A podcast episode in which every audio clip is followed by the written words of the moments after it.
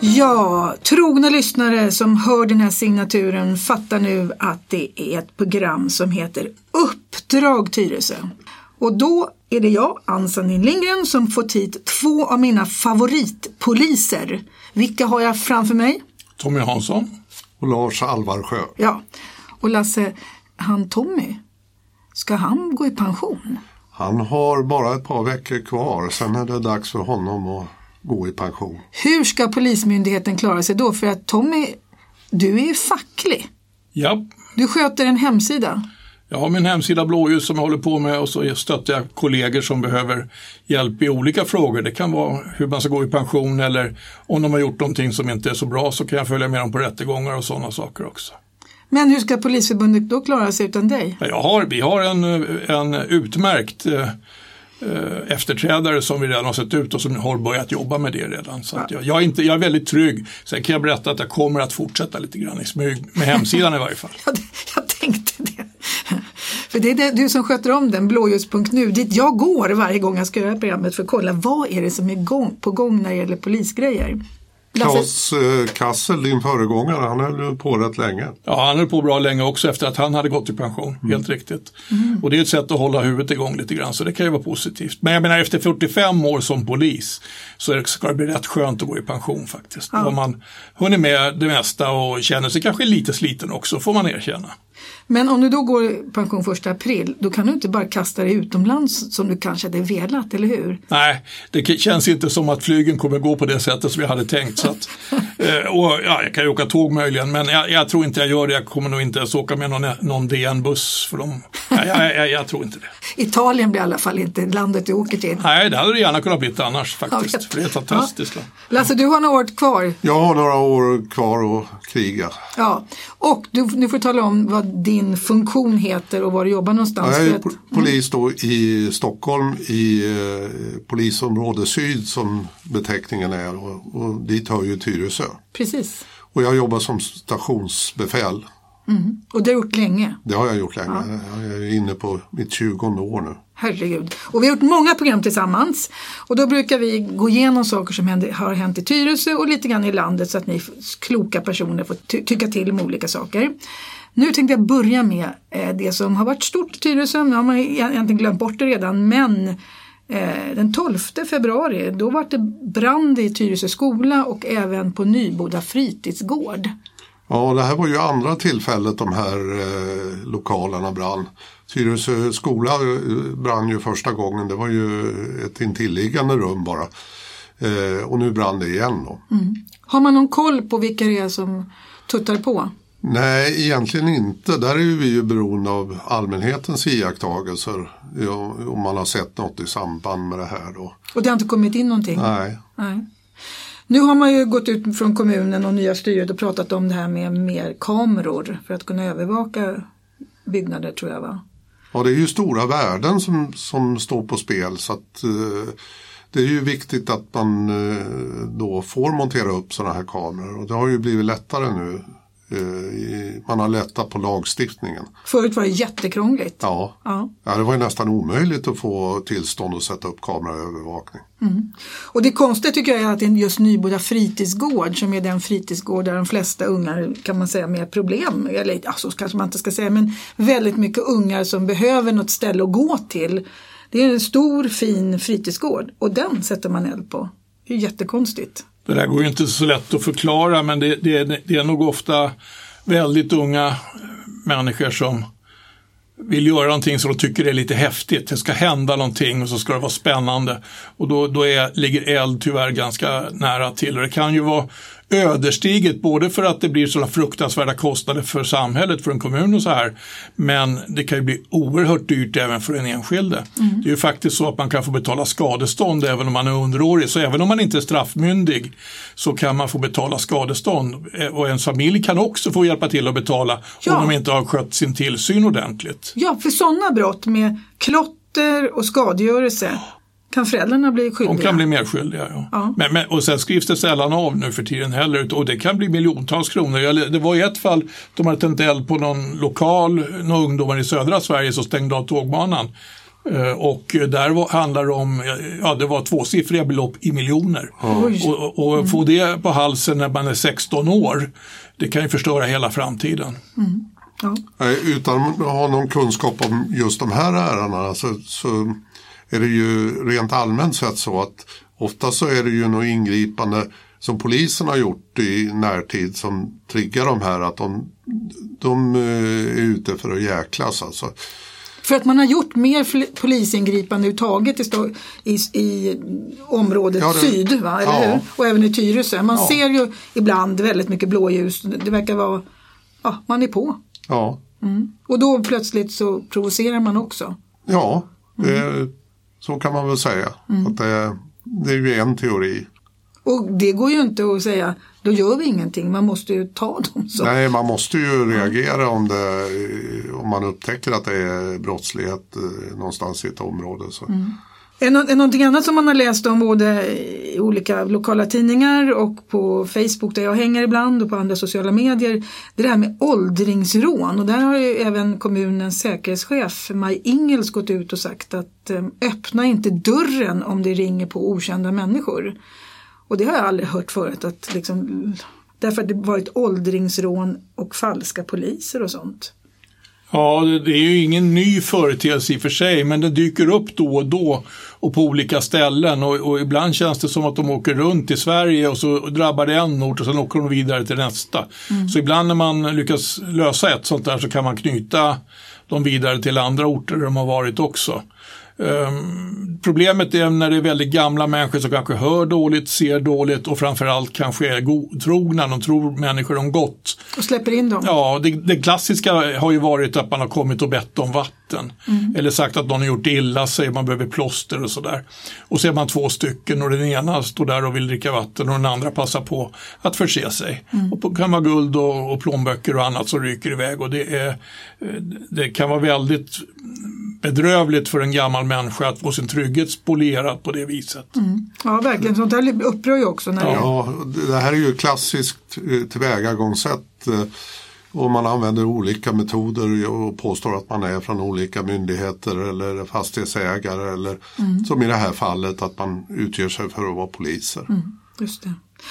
Eh, och även har det varit lite tjuvar när det gäller båtmotorer och ja, bilar har man gett sig på också i Tyresö. Mm. Det är också sån här säsongsbetonad eh, betonad brottslighet. Det är ligor. Som, Det ligger företräd, företrädesvis från öststaterna som kommer över och eh, begår olika eh, serier med, med den här typen av brottslighet. Hur vet de vad båtmotorer och sånt finns? Det har de folk som De rekar innan. De, rekar har, innan, ja. En del har ju listor de går efter eh, som man bockar av. Liksom. Det förekommer faktiskt, jag tror att det kommer ett tv-program om det ikväll. Jaha. Ikväll, när du säger ikväll, vad med, vilket datum menar vi då? Vad är det för datum idag? 10 mars. Ja, 10 10 mars. Ja, just det. Så att vi, Ja, helt riktigt. Men grejen är nämligen att det, det man har, gör mycket då, det är att man förutom ur Sverige och, och svenska tullen, som, som inte alltid har så stora resurser heller, men de lägg, säger själva att de lägger 99 procent av sin verksamhet på införsel av olagligt gods. Men de lägger 1 procent av sina resurser på utförsel av, st- av stulna, stulna saker från Sverige. Och det gör ju att det blir lite fritt fram. De här som kommer, de, de är då ofta väldigt unga, ostraffade eh, ungdomar från öststaterna som kommer hit och då får de en lista med adresser och dit de ska åka och göra de här grejerna. Så att det är som en beställningslista och då har de svenska huvudmännen så att säga eh, varit runt och spanat och tagit reda på vart det står någonting de vill ha. Det kan vara då en BMW-ratt eller någonting. En BMW-ratt kan man sen sälja vidare för 20 000 kronor enligt uppgift.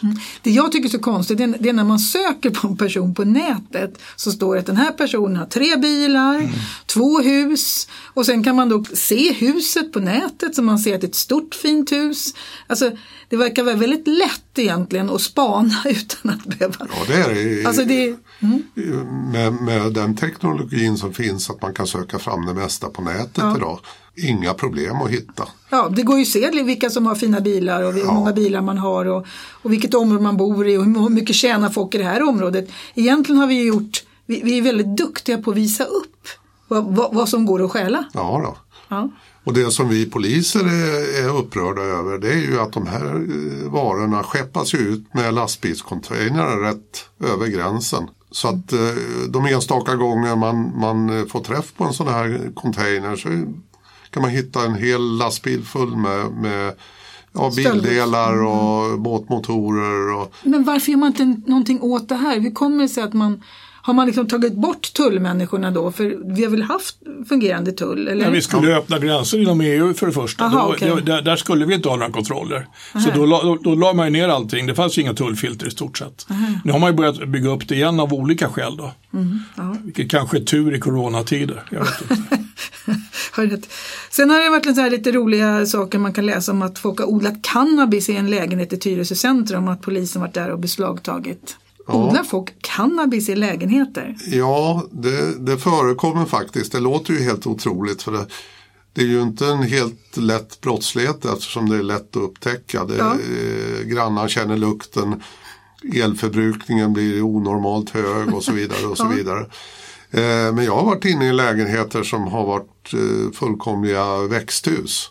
Men lampor och sånt? ja, sta starka ja. Eh, växtlampor och och inplastat. Och, ja, det är helt fantastiskt eh, vilken uppfinningsrikedom en del ja, har. Ja.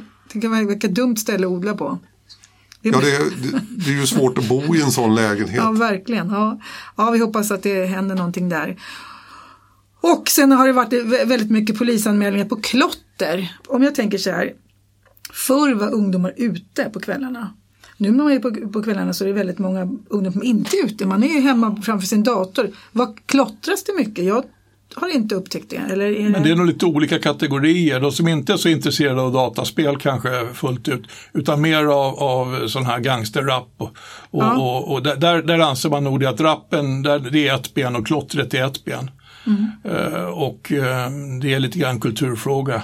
Okej, okay, de, för de senaste två åren har polisen fått in drygt 1400 klotteranmälningar. Ja, det är helt otroligt mycket och vad det ska kosta att sanera allt detta som samhället får betala. Ja. Därför att det är högst sällan man kan låta, få, få, ta, låta en, en, eh, få tag på klottraren för det första och bevisa att det är den som har gjort det. Mm. Så att den kan få betala det, det skulle man ju önska sig. Det är otroligt svårutredda mm. brott. För det mm. finns ju oftast inte några vittnen. Och polisen eh, griper eh, sällan någon på bar gärning. Jag vet, för, ja, men all, allmänt sett så tror jag den här typen av brottslighet eh, känns ju som att den har minskat rent ja. generellt sett. Mm. Jag tycker också det. Jag vet att eh, för jättelänge sedan, nu pratar vi 35 år sedan, då hade vi Eh, taggar hette det. Man gjorde liksom, alla gjorde sina taggar. Om som bomärken. Som ja. bomärken. Ja, ja. Och då hade vi en person på eh, kommunen som fotade alla dem. Så att till slut så började de ju fatta att det här är den personen. Så när de äntligen fick fast den här så hade de ju bevis på. De talade om jag var här, det var jag som har klottrat. Ja, man kan ju lägga upp ett helt register med olika sådana här tags. Ja. Så det, det är ju som en signatur på, på respektive person. Ja. Fast när, de, när man gör det så brukar de hävda att, någon, att man är en crew och ja. att man är flera som delar på samma tagg. Det blir ja. ju billigare på det viset. Men det, det som är fascinerande det är att det har börjat dyka upp eh, nu medelålders eh, män med bra eh, yrken som är ute och klottrar göra sitt liv lite mer spännande. Ja, och, de har hållit på hela tiden sedan de var unga. Jaha, de känner sig som konstnärer. Och, ja. men, var, men var klottrar man någonstans då? Ja, tunnelbanan. tunnelbanan är... Aha. Mm. Det var en artikel om det i, i Svenska Dagbladet för, för, bara några veckor sedan. De här personerna hade alltså um, årslöner över halvmiljonen. Så att det, var, det var inte någon underklass eller sådär utan det var ganska välbeställda herrar. Som, så, som då på kvällarna gav sig ut och, och uh, ägnade sig åt det här. Kände sig lite tuffa? Ja, jag tror, jag tror kicksökning och spänning. Aha, aha. Istället för fotboll eller något annat vettigt. Ja, ganska fascinerande. Ja, det här är skojigt här. Nu tänkte jag att vi övergår, övergår till liksom det nationella ja, planet när det gäller olika saker. Eh, Tommy, för den här, den här hemsidan du har som heter blåljus.nu eller blaljus.nu där tyckte jag du skrev någonting väldigt kul där. För där kunde man läsa om att det var 12 myndigheter som ska samarbeta bättre mot grov brottslighet. Det var en jätteintressant sak. Men då gjorde du en väldigt bra ingress. Kan inte du läsa vad du skrev på den sidan? Ja, alltså, jag måste säga att jag får eh, credda Oisin Cantwell för det var han som skrev det först. I Och, och sen Aftonbladet? så skrev, ja, i Aftonbladet. Och sen sk- skrev jag om den lite grann. Eh, Och det jag noterade, eller det han noterade, det var att för några månader sedan då pratade vi bara om gängbrott och skjutningar. För det sköts ju barn, det sköts kvinnor. Och, och det var väldigt stort och, och det kom ut ministrar i förorten och så vidare. Och sen började det sprängas och då pratade vi bara om sprängningar i två, tre veckor. Och sen upptäckte man förnedringsrånen där man då kissar andra ungdomar i munnen. Och då var det bara det man pratade om. Och nu pratar alla om coronaviruset istället. Det är, är så att vi hinner med en debatt i taget.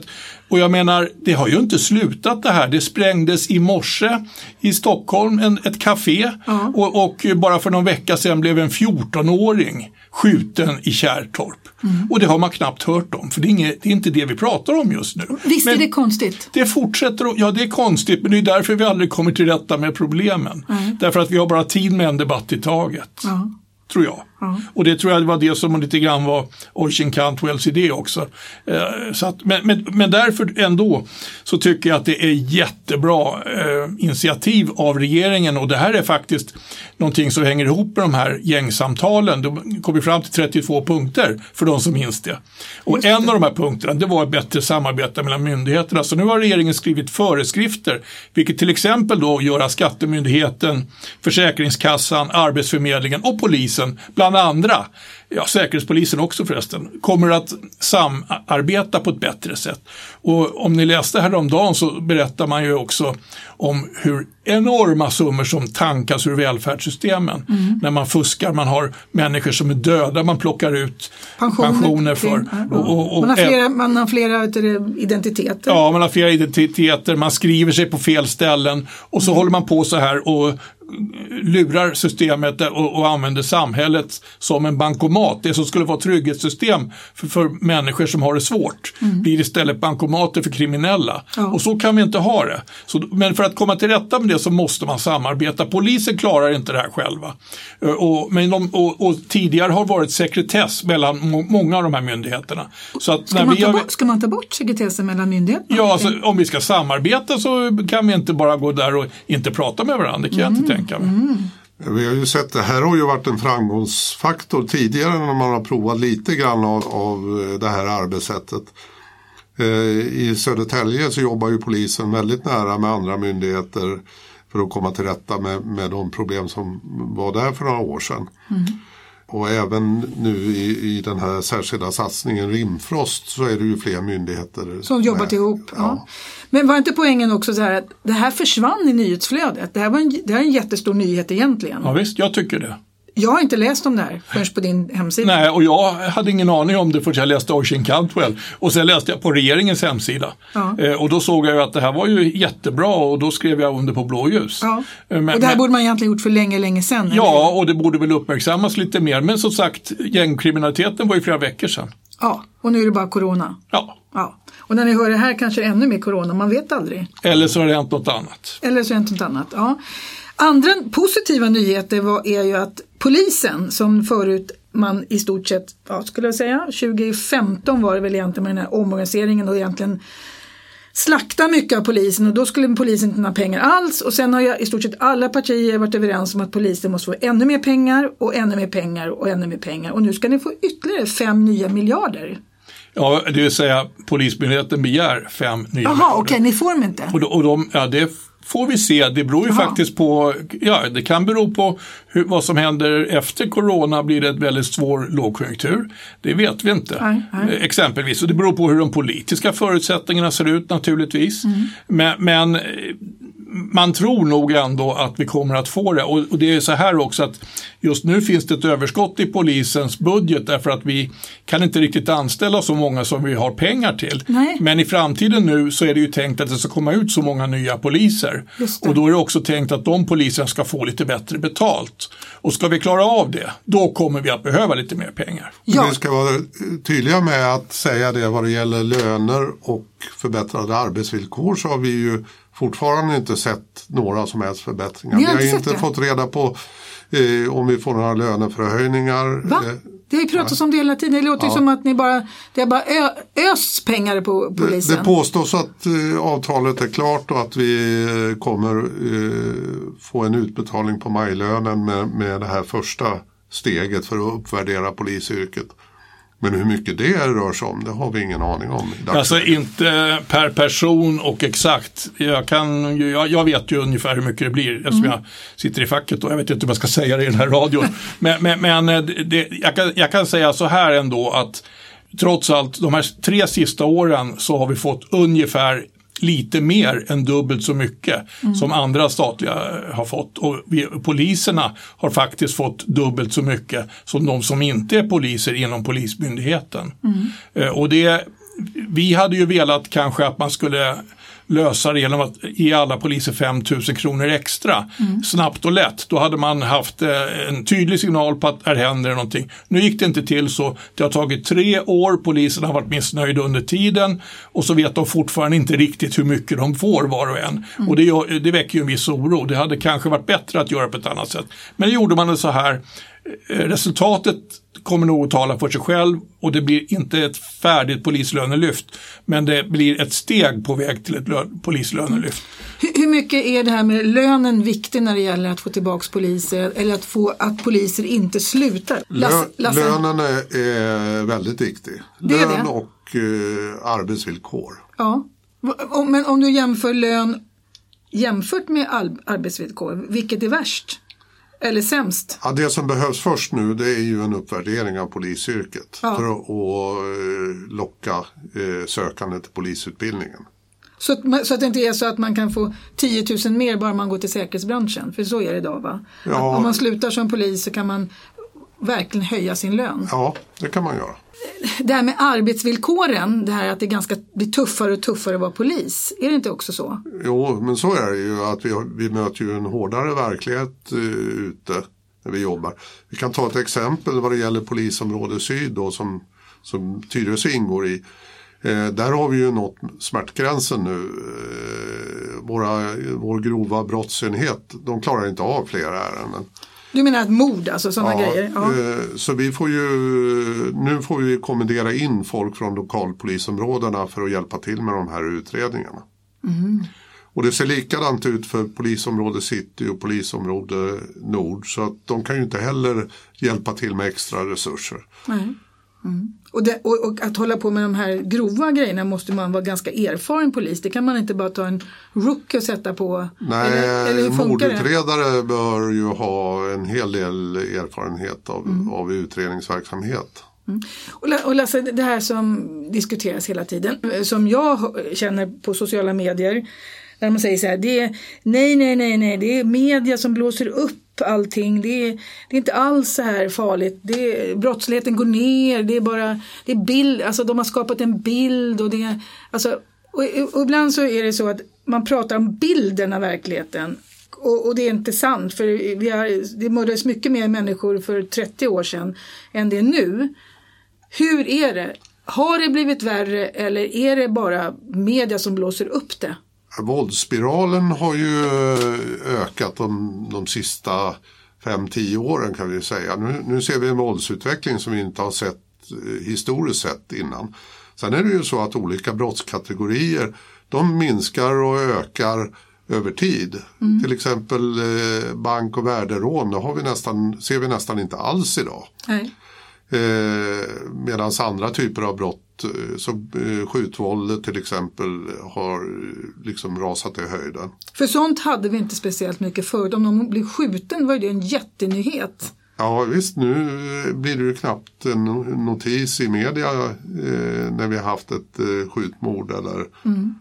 Vad säger du Tommy när det gäller ja, det stämmer. den jag, politiska diskussionen ja, ja. som finns hela tiden? Nej, men det där är svårt därför att det är ju hela tiden, precis som Lasse säger, så är det olika saker, olika delar. Och jag tror till exempel att jag kan säga utan att överdriva att eh, kvinnomorden inte har ökat utan snarare minskat. Där familjevåldet, för förr var det kanske så att man söp ännu värre. Än Fylla ja var det. Ja, man, ja, man, man, man, maken söp och, bet, och så så blev kvinnan sur och så fick hon en kniv i sig och så dog hon. Eh, Och det var ganska vanligt förr, alltså Ja, jämförelsevis. Det kommer jag också. Jag tror att, och, och det är inte lika vanligt nu. nu. Nu skjuter man folk genom fönstret istället och det är ju inte, eh, alltså det, det, det är ju inte bra det heller, Nej. får man ju ändå säga. Eh, Så att det är olika saker som går åt olika håll men på något sätt så har, har nog våldet och den sortens brottslighet kommit lite närmare allmänheten när man börjar spränga fast fasaden på vanliga hyreshus eh, räm- rämnar när, därför att det råkar bo någon där som kanske har en skuld till någon. Eh, då, det, det tror jag inte hände förr i samma utsträckning. Visserligen sprängdes Fontainebleau eh, och sådär men det, var, det, det händer oftare nu. Det var ju en väldigt stor sak på den tiden. Sen är det ju inte allt så eländigt som man kan få uppfattningen om. Nej. Det pågår ju en hel del eh, väldigt bra polisarbete ute i eh, lokalpolisområdena. Eh, dels i, de, all, i alla de här eh, särskilt utsatta områdena givetvis men även eh, lokalt ute i lokalpolisområdena eh, vad det gäller vanlig brottslighet. Och, och eh, inte minst vad det gäller i den här särskilda satsningen eh, Rimfrost. Just det, som är, var i Malmö till att börja med. Ja. Och sen som ska flytta på sig. Eller ska Absolut. finnas på olika delar där Ja, man och idag, punktmarkerar. idag när vi spelar in det här så gör man en eh, riktad satsning i Helsingborg med ett hundratal poliser. Så det gör saker hela Vi, tiden. vi tar en mängd beslag både vad det gäller narkotika och vapen. Och det frie, frihetsberövas folk i, en utsträckning som, som eh, det inte gjorde förut. Ja, man får ju dubbelbelägga i, arresterna Ja. och, och, och, och kriminalvården har ju smockfullt. Och, och domstolarna har ju blivit eh, hårdare på, de häktar i större utsträckning eh, och använder eh, lagboken som man har tänkt att den ska användas. Men vad innebär det för ditt jobb då på Tala om var du håller till någonstans. Vad, vad... Ja, jag sitter ju i eh, polishuset som ligger i Flemingsberg bredvid pendeltågsstationen. Det är det stora polishuset Ja. i syd. Och jag är ju som, som stationsbefäl så är jag ju eh, ansvarig, högsta ansvarigt befäl för eh, verksamheten i polisområdet under jourtid.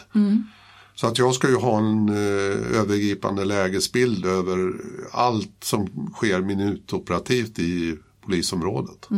Va, vad är det på ett dygn då, senaste dygnet? Vad får, vad får man in för någonting då? Va, va, Ja, va? det kan ju vara eh, någon skjutning, eh, ett par våldtäkter, ett par grova misshandlar. För att bara nämna det, det grövsta våldet. Och då ska jag ställa den obligatoriska frågan. Hur står det ut? Hur, eh, vantrivs du inte på jobbet? Nej, det kan jag inte säga Nej, att jag gör. nu måste jag du förklara det här, ja. Jag, jag tycker fortfarande att det är kul och inspirerande att gå till jobbet. Och, eh, eh, man lär sig nya saker varje dag. Det, det, det går ju ut på att lösa problem hela tiden. Och det måste ju också innebära att när du och andra poliser säger att de älskar sitt jobb, att ni känner att ni gör nytta. Ja, För vi andra tänker att ni har ett häls ja, helsikes jobb. ja. ja, men absolut så är det ju. Att, eh, när man avslutar sitt arbetspass så, så känns det ju i alla fall att, att man har gjort skillnad. Man har gjort skillnad. Ja. Jag tror att särskilt på din stol som vakthavande befäl, för du får ju administrera de som då man, där man har lyckats, där man har gripit de här fula Aha. fiskarna. Det är ju faktiskt värre när någon är skadad, våldtagen, slagen, rånad och så får du aldrig tag på dem. Nej, du menar så Då, ja. då, får man, då, då, känner, då känner varje polis en sån svår frustration när vi inte räcker till. Och ännu värre är det ju om man hade kunnat få tag på dem, om vi hade haft tillräckligt med resurser Mm. eller om vi hade haft lokala poliser som visste vem den där som springer runt i blå jacka och röd mössa brukar vara. Va? Och den grejen då, då, det tycker vi avslutar med. Det ska ju då bli en satsning på det som då kallas områdespoliser. Vad är en områdespolis? Ja, det är just de som ska jobba lokalt och närmare människorna och lära sig ett område, jobba förebyggande också. Det, var Man- när, det är samma sak som heter närpolis förut. Ja, det eller, lo- det heter massa olika det, Det har namn. hetat kvarterspolis, närpolis, eh, kvart, ja, det, Ja, alla olika ord. Ja, och nu ska det heta områdespolis. Ja, det ska det heta nu. Ja. Och, och faktum är att det finns områdespoliser. De gör stordåd, men det finns alldeles för få. Och de enda ställena där det finns ordentligt med områdespoliser idag, det är de särskilt prioriterade områdena. Och de är ju tre i Stockholm. Vilka områden är det? Ja, det är borta i Botkyrka, det är i Järva och så är det i Södertälje. Okej, okay. och där finns då 100 stycken områdespoliser idag och man ska bli 300 är det tänkt. Mm. Och de är kanske nästan tillräckligt många där nu. De behöver mm. bara en liten förstärkning så då kanske det till och med skulle kunna bli områdespoliser i Tyresö. Du menar, ni, ni menar inte att de kanske ska öppna vår polisstation igen? Det tror jag inte. Vad det går inte för där är det faktiskt en, ja. en eh, vårdcentral. Ja, men, men, men man kan ju bygga en ny polisstation i Tyresö, det tycker jag skulle vara fantastiskt. Men ärligt talat ja. så det är inte polisstation utan det är ju att det skulle komma en, några, ett par poliser och knata över skolgården utan att har hänt någonting. Och snacka, med, och snacka med ungdomarna. Eller gå till ungdomsgården. Och veta vad alla heter. Ja, ja visst. Det är ju mm. precis det. Och, eller kanske gå där på skolgården innan det börjar brinna. Det. Och träffa de där som hade tänkt tända eld. Mm. Eller som stod där och röker. Mm. Och vad röker de för någonting då? Är det jazztobak eller? Ja. och veta vilka, vilket gäng som är sura på vilket gäng. Ja. Och, och vilken som är svartsjuk. Ja, precis. Ha koll det är precis på. det som, som skulle behövas. Men, men men, det, och det är ju det som, allt det här hänger ju ihop. Det är ju det som Lasse var inne på, polislönerna. Och polislönerna är en förutsättning för att vi ska kunna bli så många fler så att det här kan hända till 2024. Mm. För det är till dess som han säger att, som eh, våran regionpolischef säger att det här ska hända. Mm. Men det kan ju bara hända om vi kan anställa tillräckligt många poliser. Och då kommer polisernas arbetsmiljö också att bli bättre. Därför att vi kommer att mer sällan känna att vi inte räcker till. Därför att det är det värsta, att man inte räcker till. Och sen dessutom att man får jobba fyra timmar övertid därför att man har varit för få på nattpasset. Mm. Och så får man jobba fyra timmar på morgonen efter och så blir det trångt till nästa pass. Ja, det blir en väldig stress och frustration över sådana saker. Mm. Och nu som du ska sluta som polis, du måste ju komma hit igen. Alltså för att man känner ju det fackliga känns ju, här, här, sitter en polis som har brunnit för sina uppgifter, eller hur? Ja, men alltså det har varit ett fantastiskt arbete i mitt liv också. ja. eh, och jag har, ju, jag har ju faktiskt jobbat som kvarterspolis och allt sånt här ja. nästan hela tiden. Mm. Så, att, så att det är ju det som jag har brunnit för. Jag har alltid brunnit för mitt område och så har jag försökt få vara där så mycket som möjligt och jobba med just de här sakerna. Mm. och, och, och, och återigen, det handlar inte om att bara gå och klappa barn på huvudet. Mm. Utan det handlar om att gripa de som behöver gripas och hålla ordning i sitt område. Det är ju en personlig förolämpning för en polis om det sker ett brott i det området där han är chef. Han är sheriff där. Ja. Ja, vi ser ju de här, vi har ju områdespoliser ja. idag eh, och, och främst då i de här särskilt utsatta områdena.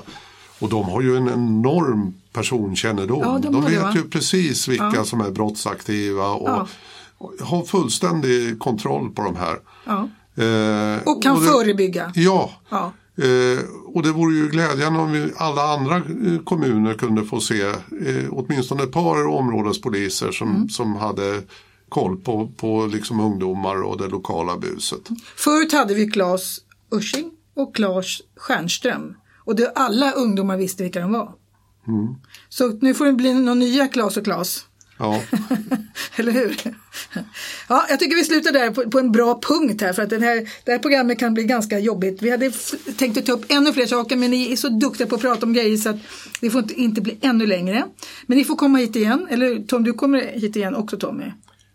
Ja, ja, vi får se. Kan, om du frågar kan jag nog ja, inte säga Jag ska nej. fråga snällt. Ja, ja. För det, det, är också kul med de här perspektiven. För du håller koll på vad som händer också nationellt väldigt mycket. Du, du vet. Ja, jag försöker hålla koll på det. Men det, jag kommer ju ha sämre koll efterhand som jag blir allt mer pensionär. Det är så.